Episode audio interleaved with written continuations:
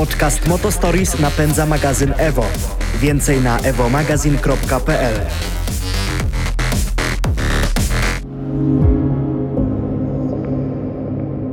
Nie, ale będziemy się wspierać. Tylko elektryki. Patryka to nie rusza, bo Patryka to uderza, no. Podcast Motostories stworzyliśmy, żeby przepalać benzynę w żyłach petrolheadów. Rozmawiamy o naszych doświadczeniach z najszybszymi, najciekawszymi i najbardziej wyjątkowymi autami na świecie. Skupimy się też na doświadczaniu wyjątkowych wydarzeń, miejsc i historiach ludzi związanych z motoryzacją, obok której nie przejdziecie obojętnie. Zapraszają Patryk Mikiciuk, Łukasz Kamiński. Kacper Majdan.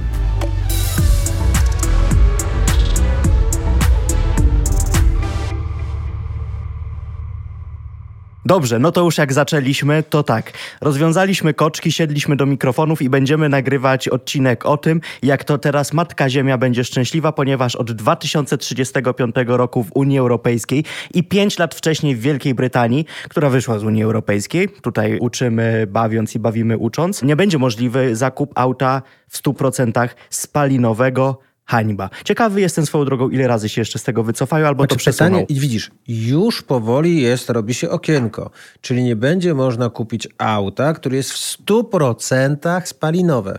Czyli miękkie hybrydy, czyli wystarczy, że będziesz miał silniczek elektryczny o mocy jednego konia mechanicznego, już spowoduje to, że będziesz mógł go kupić, tak? Tak. Czyli to będzie idealny pomysł na zastępcę Aventadora. V12 z jednokonnym silnikiem elektrycznym. No ale wiesz, z drugiej strony Lamborghini potrafi robić hybrydy, bo Sian między innymi Mhm. przecież Lamborghini był wersją hybrydową. Aventador nowy też jest, jak wszyscy mówią o tym, że nowy Aventador No jest miękką hybrydowy. hybrydą. Miękką hybrydą, a nie w pełni hybrydowym samochodem, jak SF90? Z tego co wiem, jest miękką hybrydą. Nadal nie ma oficjalnych jeszcze. Znaczy mi się Więc- wydaje, że oni będą celowali no, trochę w to SF90, przynajmniej w No założeniu. Więc, a SF90 dlaczego jest hybrydą? Nie dlatego, że jest moda, tylko dlatego, bo Performance. e, jest zapierdziela. Jakby naprawdę zapierdziela, więc może nie jest wcale tak źle. Ale słuchajcie, dobra, wyjdźmy od tego Od założenia. abstrakcji trochę, bo gadamy 2000, o Ferrari. No. 2035 rok w Europie nie można sprzedawać samochodów spalinowych. W Wielkiej Brytanii od 2030 roku. Po to Brytyjczycy wyszli z Unii Europejskiej, żeby nie wprowadzać durnych przepisów, a nagle je wprowadzają jeszcze wcześniej. 5 lat wcześniej. No, ogóle... Pozdrawiamy przyjaciół petrolheadów w Wielkiej Brytanii. Ale nie, no tym bardziej, że wiesz, no stary, umówmy się, gdzie jak gdzie, ale w Wielkiej Brytanii możemy Brytyjczyków lubić lub nie lubić za ich tak. mentalność i charakter, No nie lubić. ale samochody i miłość do samochodów mają Tak. zacną. Kulturę Oczywiście. motoryzacyjną mają gigantyczną. Te wszystkie garaże, te wszystkie domy, Same brandy co nawet, trzecim, no. co czwartym domu masz w Wielkiej Brytanii jakiś samochód, który ma swoje lata i on nie musi być Jaguarem i Typem, on może być Miniakiem, może być MG-kiem starym, może być Oplem Astrą pierwszej generacji, ale ktoś coś czuje, jakby wiesz, Mhm. jakby szanuje jakąś motoryzację. Chciałbym, żeby w Polsce było tyle eventów, co w Wielkiej Brytanii, motoryzacyjnych na takim poziomie. 10% wystarczy. Prawda? Tak, ale wiecie, jakby w mojej opinii to wszystko sprowadza się jeszcze do innej rzeczy, bo Unia Unią i tak co innego na przykład pewnie Niemcy czy Francja, trochę bardziej rozwinięte było, nie było kraje od naszego, ekonomicznie przede wszystkim, gdzie taki narzucony przez Unię deadline, nazwijmy to, pewnie poprzekręca trochę w głowach i napędzi pewne działania.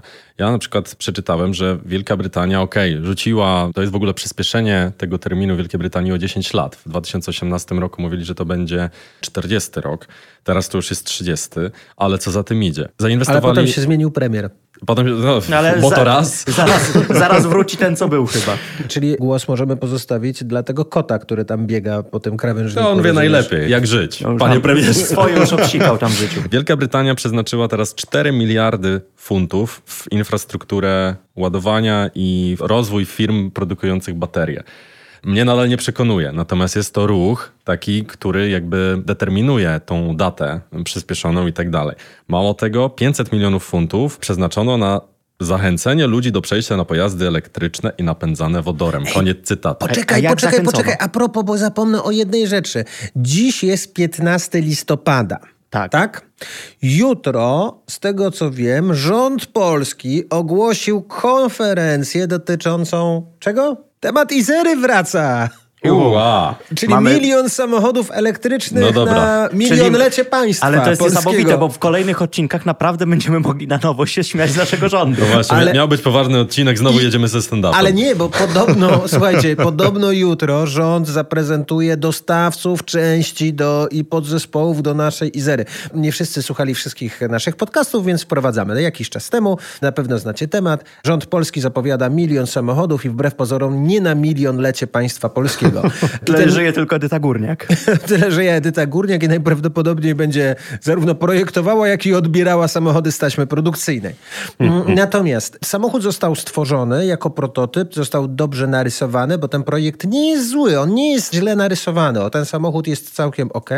Zresztą nie ma co się dziwić, ta instytucja, która została powołana do stworzenia samochodu elektrycznego, zatrudniła naprawdę świetnych specjalistów do tworzenia tego auta. Jakby faktycznie gości, którzy na tym się znają, między innymi jest wśród nich chociażby Tadeusz Jelec, który projektował przez masę lat Jaguary i jakby wie, jak to stworzyć. Więc jakby oni wykonali zewnętrznie zlecenie i stworzyli całkiem spoko samochód. Natomiast kiedy ten samochód został zaprezentowany, zostały chyba dwa egzemplarze zaprezentowane, dziennikarze motoryzacyjni zaczęli się dopytywać, co więcej, jakby, bo wiemy, że ten samochód będzie przejeżdżał te setki kilometrów. Na pewno, jak Z- będzie polski w elektryk, w doskonałych, doskonałych osiągach. Wszystkie dzieci będą się uśmiechały, a mamy z będą machały każdej Izerze, bo dzięki temu będzie świat lekko oddychał. Jakby jej słońce zawsze będzie świeciło. Natomiast wszyscy zadali pytanie, co się będzie kryło pod. No i nikt nie był w stanie odpowiedzieć na to pytanie. Wiesz, i nagle się tutaj pojawiło, okej, no to zaraz, chora, został zaprojektowany samochód, ale nie wiemy na jakiej płycie podłogowej na przykład będzie budowany. Oj, bo się czepiasz. Może nie będzie miał płyty podłogowej. No ale, no czego, ale przecież od czegoś trzeba zacząć. A płyty podłogowej jakby nie da się skonstruować. Patryk, w... ile lat żyjesz w Polsce? Od kiedy w Polsce zaczyna się od początku cokolwiek budować? Czyli to jest miś na miarę naszych czasów. Dokładnie. I ja mam jedno pytanie, bo nie możemy rozmawiać o czymś, czego jeszcze nie ma. Czy tam Jacek Sasin maczał swoje jakże piękne palce? Nie wiem, ale... Się domyślam. Bo jeżeli tak, to myślę, że nic z tego nie będzie i możemy za pięć lat nagrać odcinek, że konferencja rządu już niedługo i w końcu będzie polski elektryczny samochód. Mam dobre wiadomości już Mam jadę takie na spotkanie. Dokładnie. Zasięg tyle, żeby dojechać pod pomnik katastrofy smoleńskiej i do domu z powrotem. No dobra, no ale jutro mamy podobno wiedzieć, jakie będą dane techniczne Izery, więc... Czyli wy już wiecie i możecie się śmiać, że tak dobrze przewidzieliśmy, że to będzie ochłap jakiś albo po prostu coś komicznego, bezsensownego i tak nikt tego nie kupi, bo nikt tego nie wyprodukuje. Amen. Ale słuchajcie, ciężko powiedzieć, że są pozytywne jakby znaki w tym całym zamieszaniu elektryfikacji.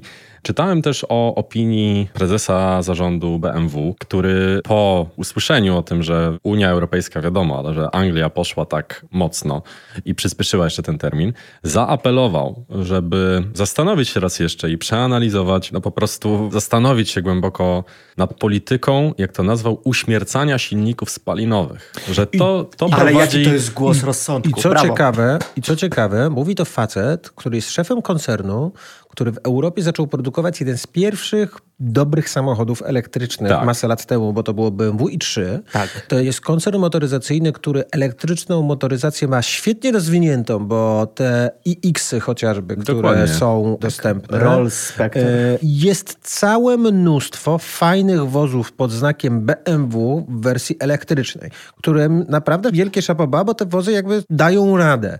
I jeżeli facet, który jest szefem tego koncernu mówi, Uspokójmy się trochę, ochłódźmy się. to ma to jakieś znaczenie. To jest jeden głos rozsądku. Drugim głosem rozsądku, takim też powiedziałbym skrajnym, bo pamiętam, że jeden z panów aż zbyt dosadnie wyraził się w tym temacie, ale dyrektorzy generalni Renault i Stellantis powiedzieli dokładnie to samo, że wielomiliardowe inwestycje w rozwój Euro 7, 8, 50 i tak dalej, które prowadzą i tak do zagłady silników spalinowych, jakby te koszty do poniesienia to jest marginalny wpływ na efekt cieplarniany, życie misiów i tak dalej. To jest znowu kolejny głos rozsądku, że no z całym szacunkiem, ale tacy panowie no, piastują takie funkcje, myślę, że z jakiegoś powodu i to No nie e, są to spółki państwowe, tylko jednak prywatne No, koncerny, które mają glo- zarabiać globalne, pieniądze. globalne i które też produkują pojazdy na wszystkie kontynenty, więc budzi to jakiś znak zapytania, bo czy nadzieję, no nie powiedziałbym, bo to jest raczej walka z wiatrakami, to już jest tak gigantyczny ruch zmierzający do tej elektryfikacji, hybrydyzacji, Chociaż ja kolejny raz potwierdzam, że uważam, że hybrydy wcale nie są złe. Natomiast tak, no dobra, hybryda jest zawsze dobra. tak, tak radykalne cięcia, zakazy i tak dalej. Teraz zejdźmy na ziemię. Przychodzi 2030 rok, czy 35 w Unii Europejskiej. No dobrze, możemy kupić wyłącznie hybrydę lub auto elektryczne. I co z tymi milionami aut spalinowych? To po pierwsze. A druga rzecz jest taka, jeżeli mówimy tutaj o 2030 czy 35, już bez znaczenia tak naprawdę, to przecież ta faktyczna, realna zmiana będzie się musiała zacząć kilka lat wcześniej, no bo przecież żaden producent nie może zostać z nowymi autami spalinowymi no od 1 stycznia 2030 czy 35 Może zostać, roku. bo posłuchajcie, mówimy też na razie troszkę o dużym poziomie abstrakcji, bo najfajniejsze jest to, że nikt z nas, z dziennikarzy motoryzacyjnych, zarówno w Polsce, jak i w Europie, jak i na świecie, nie zna odpowiedzi na to pytanie, które sobie sami zadajemy, jak to będzie wyglądało po 2035 roku, jak to będzie wyglądało za kolejne 5 lat. Jak rozmawiam z dziennikarzami z całego świata, ostatnio siedzieliśmy na chociażby prezentacji BMW X7 w Stanach Zjednoczonych, to siedzieliśmy z Norwegami, z Szwajcarami, z ludźmi z Australii, wiesz, z Japonii i tak Mhm. dalej, i tak dalej, żeby była jasność. Nikt z nich nie jest gotowy na start w elektryczną motoryzacji. Mówimy chociażby o Szwajcarii, która jakby wiesz, no poziom przygotowania jest zupełnie inny poziom Myślę, że. Norwegia w miarę by dała radę jako jeden z nielicznych państw na świecie. Dania, która jest, widziałem, słuchajcie, teraz pojeździłem tydzień po Danii, jakby jestem zaskoczony, jak bardzo Dania jest dobrze rozwinięta, jeżeli chodzi o samą elektryfikację. W Kopenhadze masz, wiesz, tych miejsc, którym ładujesz. One nie muszą być super szybkie, ale jakby tych miejsc, których ładujesz w centrum miasta, w każdym hotelu, w każdym pensjonacie, w każdym prywatnym domu, w większym gospodarstwie masz punkty do ładowania samochodów. Faktycznie to działa, jakby faktycznie jest to dosyć popularne. To są wyjątki jednak. Ale no. pamiętaj też o jednej rzeczy. Elektryczna motoryzacja nie zastąpi, według mnie, ja jestem przynajmniej tego zdania, nie zastąpi nam w 100% motoryzacji, którą mamy. Ona nam ją doskonale uzupełni. Natomiast nie zastąpi. No nie wyobrażam sobie chociażby transportu A lądowego, wojska? wojska. Wiesz, no miliona No. innych rzeczy, które jakby są bardzo potrzebne do tego, żeby to zrobić. Nie wyobrażam sobie w ogóle, sorry, że jeszcze ci tutaj wejdę słowo, na przykład elektrycznej karetki.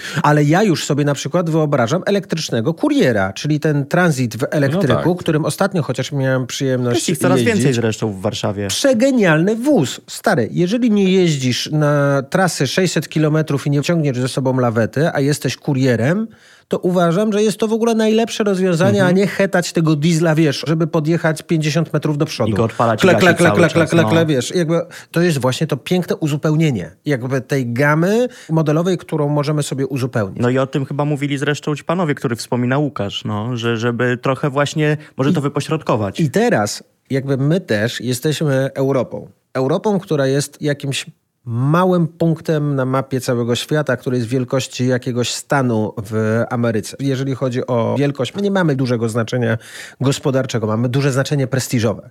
Największe rynki dla samochodów to jest Azja, to są Stany Zjednoczone. I chcesz mi powiedzieć, że w tym Kansas, w tym Teksasie, ten gość, który jedzie tym pick-upem z amerykańską flagą, który ma flintę za fotelem z tyłu, on jutro przesiądzie się do elektrycznego wozu i będzie jeździł elektrycznym samochodem? Nie, bez szans. Słuchajcie. W Indiach to samo? Jakby w Dokładnie. Chinach to samo? Jakby, Tam wiesz, dopiero w samochody odkrywają. Spójrzmy jeszcze na takie innego rodzaju aspekty, jak chociażby na PKB każdego, myślę, kraju, na wielu kontynentach też składa się mnóstwo zakładów produkcyjnych, filtrów, olejów, części mechanicznych i tak.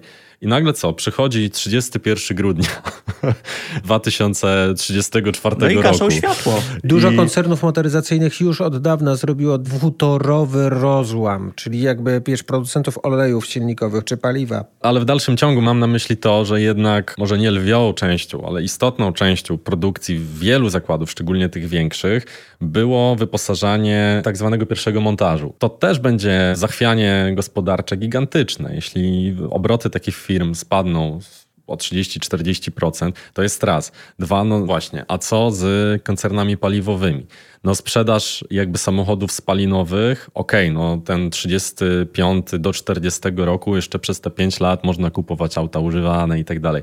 No ale co później? Czytam, że Unia Europejska, chociaż już padła ta data, część śmiałków próbuje forsować w Radzie Unii Europejskiej, w Komisji Europejskiej, żeby ograniczyć od tej daty sprzedaż nowych samochodów wyłącznie do wodorowych i napędzanych prądem. Czyli za chwilę jednak zmienimy to, że nawet hybrydy będą Znaczy ja jestem bardzo szczęśliwy, że jesteśmy w Unii Europejskiej i uważam, że to jest super sprawa i każdy, kto uważa, że Polska powinna wyjść z Unii, sam niech wyjdzie z Polski najlepiej, ale patrząc na to chociażby co się dzieje w motoryzacji, no to mam wrażenie, że ludzie w Parlamencie Europejskim są osobami, które tworząc tą ustawę nie brały do wiadomości opinii ekspertów, ludzi, którzy naprawdę się na tym znają, tylko uległy jakimś populistycznym lobby, że nagle odetniemy auta spalinowe i świat będzie piękny, będzie świeże powietrze, nie będzie zanieczyszczenia i lewicowi aktywiści będą chodzili po ulicach uśmiechnięci, bo w końcu nikt ich nie będzie wkurwiał, no za przeproszeniem. No ale jasne, jak żyjesz w bańce, która jest bańką w Brukseli, w Kopenhadze albo w jakimkolwiek innym miejscu, no to, to tak wygląda tam świat. Ludzie są uśmiechnięci, jeżdżą na rowerze, płacą za lampkę wina 100 zł.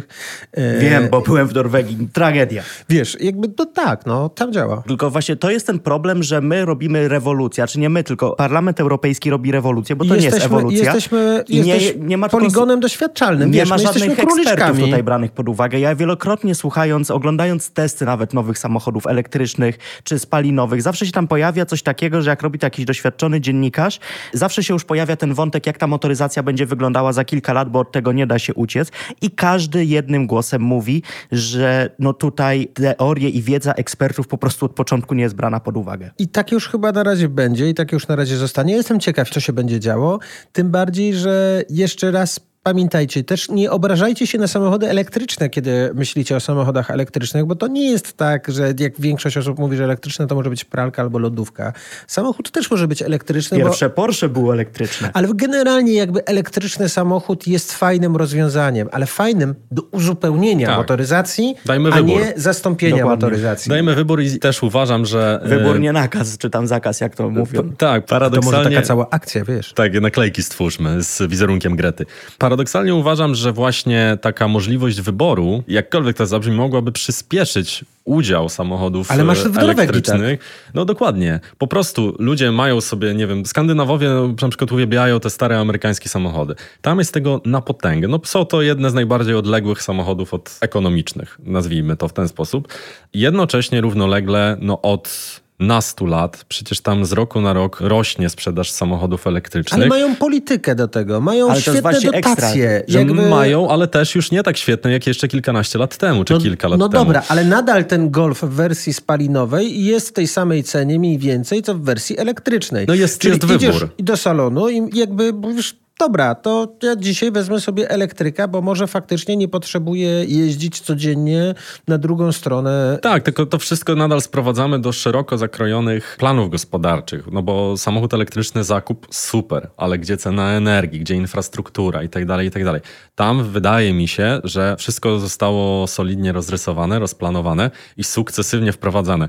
Teraz to, co, o czym mówiłem kilka minut temu, jest nagle deadline i nagle będzie wyjdzie teraz, albo nie wyjdzie. teraz szukanie po kątach, dobra, co z infrastrukturą, robimy szybko, Słuchajcie, chaotycznie. No to poczekajcie, a propos infrastruktury, to ja wam tylko powiem jedną rzecz. Ja od bardzo długiego czasu walczę, mieszkam w takim jakby, nazwijmy to takim wspólnym bloku, jakby budynku, który mhm. ma, jest mnóstwo mieszkań, jest pod dużym parkingiem podziemnym dla wszystkich mieszkańców, dwupoziomowym. Jest tam mnóstwo Krążą legendy, że wszystkie miejsca są twoje. Nie, no co ty, jakby w ogóle daj spokój. 70% to nie wszystkie. Przestań.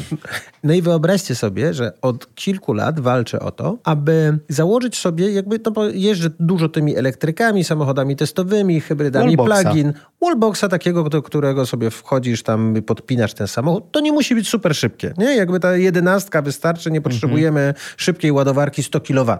No więc jakby po dwóch latach była zmiana ustawy, po dwóch latach udało mi się zdobyć zgodę. Oczywiście wszystko jest na mój koszt, wszystkie liczenia, wszystkie sprawdzania wyników i tak dalej, i tak dalej. Ja muszę obliczyć, jaki jest kabel, jakiej grubości dochodzi prąd do całego budynku, jaki jest zapas, jak to można zaprojektować. Architekci projektują, wiesz, wszystko jest na mój koszt, to wszystko funkcjonuje, funkcjonuje, funkcjonuje. Już administracja wyraziła zgodę, już energetyka właściwie też prawie wyraziła zgodę, No i teraz się okazało, że jest znowu zmiana sytuacji, bo energetyka wymyśliła, że tak, tak, tak, tak, oczywiście, jakby mogę to zrobić, ale to będzie kosztowało dodatkowe 30 tysięcy złotych z mojej strony, a energetyka podciągnie ten kabelek i to z jej strony będzie kosztowało 150 tysięcy złotych. No, nie. Ej, słuchajcie, to nie ma prawa działać. no nie ma. No No nie. Musiałbyś Jakby- Jakby... 6 aut przez 50 lat użytkować, żeby Ale w ogóle miało to sens. jak? Po co? Wiesz, ja się upieram, bo jakby zajmuję się tym i chcę mieć jeden z punktów do ładowania, bo dużo jeżdżę tymi elektrykami. Nie musi mi się to jakoś super opłacać i kalkulować, tylko traktuję to jako narzędzie do pracy. Ale co ma zrobić biedny Kowalski, który jeździ tym elektrykiem i przecież te elektryki są do miasta, prawda? Czyli jakby tak.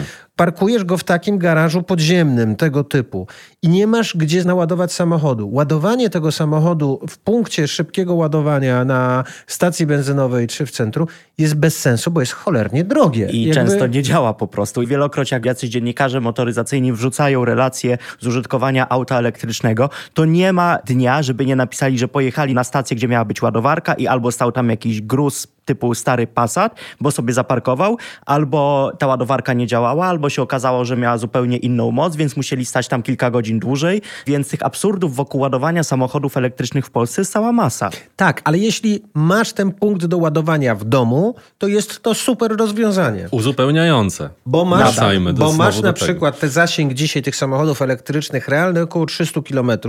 Masz samochody, które mają 400 km zasięgu, 450, ale takie jakby uśredniając. 300 Mhm. Jakby robisz bez już najmniejszego problemu. 300 km, czyli raz na 4-5 dni ładujesz Normalnej sobie jazdy po o- mieście. 8 godzin wieczorkiem Ma to domu. sens. Się- To ma sens. Jakby, to wiesz, no Auto to spalinowe raz w tygodniu i tak też tankujesz. No, Dokładnie. Jeżdżąc po mieście, więc zależy jakie. Chyba, że V12. Patryk nie wie, co to znaczy tankować raz na kilka dni, bo Patryk już jest stałym bywalcem na stacjach. Zresztą myślę, że ty też. Tankuję kilka samochodów raz na kilka dni. O Jezu, najgorsze jest to, jak w jednym dniu muszę zatankować parę samochodów. O, to najbardziej boli. Robert, pozdrawiamy. Tak? E, No właśnie. No tak, dobrze, ale podsumowując, bo jakby znowu pastwiliśmy się nad samochodami elektrycznymi, ale czy widzicie sens, czy cokolwiek na horyzoncie tej decyzji 35 rok? Dużo, niedużo, kilkanaście Znaczy, lat. To są dwa, trzy leasingi tak naprawdę. To nie jest to taka odległa perspektywa, jeżeli sobie to przełożymy czas użytkowania samochodu. Ja szczerze mówiąc nie jestem tego pewien pod tym względem, że wydaje mi się, że im bliżej będziemy tej daty, tym wiele państw, oczywiście no, wyłączymy tutaj pewnie jakąś Skandynawię, Wyjdzie z Unii. Zda sobie sprawę, że cholera, teraz będzie coś takiego. Wystarczy policzyć, ile się rocznie sprzedaje w danym państwie samochodów spalinowych. To są ogromne liczby. I nagle się okaże, że państwa będą musiały przyjąć obsługiwanie tych samochodów, no tak na co dzień, tych dziesiątek czy setek tysięcy samochodów rocznie przybywających na ulicach. No myślę, że może to być spory, spory problem. Tak, zwłaszcza na przykład ze strony serwisowej, a sam słyszałem na przykład, że samo Porsche już miewa problemy, no bo takiego Taycana oczywiście no, serwisujesz w sposób zgoła odmienny niż inne modele na innym podnośniku z inaczej wykwalifikowanymi mechanikami i tak. To są jeszcze tego rodzaju koszty znów narzucane na I w przedsiębiorców. zasadzie one są dublowane, bo przecież auta spalinowe cały czas będą, więc musisz Tak. utrzymać wszystko, co jest związane z motoryzacją Dokładnie. spalinową i dołożyć do tego w zasadzie jeden do jednego, jeżeli chodzi o ekipę, jeżeli chodzi o warsztaty i tak dalej, no dział obsługujący auta elektryczne i przecież te koszty zdublowania tego wszystkiego będą przerzucone na użytkowników. No dobra, a Bądźmy nie, tego a świadomi. nie myśleliście jeszcze, że jest problem na przykład z energią? Bo jeżeli cała Europa się dzisiaj przerzuci na samochody elektryczne, to nie oznacza to, że tą energię weźmiesz z kosmosu jak ko- Edyta Górniak. kontekst, że jeszcze nie tak dawno temu baliśmy się, że w Warszawie w zimie nie będzie prądu. Bo Mhm. mamy kontekst sytuacji wojennej, mamy problem z Rosją, która dużo tej energii dostarczała. I co teraz, nie? Że my się boimy przy tej ilości aut elektrycznych, że w Warszawie zabraknie prądu. Jak będzie cała Warszawa w samochodach elektrycznych, to zabraknie prądu, ale zabraknie też mobilności. Znaczy, jakby wiesz, jest bardzo dużo rzeczy. Jakby z drugiej strony to też dotyczy chociażby paliwa, tak? Benzyny czy oleju napędowego, którego też może zabraknąć w razie konfliktu i też jest jakby bardzo ważnym czynnikiem militarnym. Natomiast pamiętaj o tym, że z drugiej strony paliwo możesz wytworzyć też w sposób, no nie jest to chyba jakieś ajwa i tajemnica Poliszynela, że można wytworzyć ekologicznie chociażby z rzepaku. No jeżeli do starych diesli lejesz olej do smażenia rzepakowy, który jest takim normalnym olejem. To nie jest paliwo kopalniane, tylko jakby taki najnormalniejszy w świecie olej. Oczywiście jest to nielegalne, nie wolno tego robić, ale ta sytuacja zrobiła się dosyć popularna wiele lat temu, kiedy faktycznie ta cena ropy bardzo podskoczyła do góry i wszyscy dla tych starych dieselków, Mercedesa, Passata i wszystkich innych lali sobie rzepakowe. No przecież to jest normalne paliwo. Nie? Jakby, czyli to normalnie działa. To nie znaczy, że ten samochód był słabszy albo że się zacierał. Nie. Tam wszystko Myślę, działało. że pomysłem na inny odcinek jest, ale to jak bardzo, myślę, że poza w zasadzie jednym koncernem, wszyscy omijają technologię wodorową, która mogłaby być rozwiązaniem na wiele z tych Nie bolączek. wszyscy, tylko problem jest taki, pamiętaj o technologii wodorowej, bo jakby mamy dzisiaj przede wszystkim jeden dostępny samochód popularny w technologii wodorowej. No to i o tym Ale daj. sposób dostarczenia, system dostarczenia wodoru, możesz teoretycznie mieć agregat wytwarzający wodór na stacji benzynowej, ale system ładowania, tankowania wodoru, czyli schłodzenie go do tej temperatury Tak. minus tam, nie pamiętam ile tam musi być w tym wszystkim, jakby pochłania tak dużą energię, że przestaje być to do końca opłacalne. Bo to nie jest tak, że zatankujemy jak paliwo, tak jak kiedyś się można było nalać, wiesz, z wiadra paliwo do samochodu, tylko to trzeba schłodzić, to trzeba nie tylko skompresować, to rozprężyć, no bo do zbiornika 140 litrów tam wchodzi ci 5 kg wodoru. I to wszystko jest tak potężny pochłaniacz energii, żeby to przygotować, że to nie do końca też jest takie hop chociaż wodór będzie z roku na rok tańszy, a nie droższy. No właśnie, może to jest jakieś rozwiązanie. Zresztą też myślę, że po pierwsze potrzeba matką wynalazku to jedna rzecz, a druga rzecz jest taka, jeżeli to by się zrobiło masowe, no to też ceny by tego spadły i myślę, że dostępność tej technologii do tankowania też stałaby się powszechna. No. A teraz pozostaje nam kombinowanie, jak tu homologować nowe auta. Na razie ze Stanów Zjednoczonych i ze wschodu Europy. Dokładnie. Po Także- 35 roku. Dokładnie, także ściągamy wszyscy na przekór V8 ze Stanów. Tak. Bóg zapłać. Dziękujemy, że słuchasz naszego podcastu. Nie zapomnij nas zasubskrybować, ocenić w Apple Podcast i porozmawiać z nami w Q&A na Spotify. Podcast Moto Stories napędza magazyn Evo.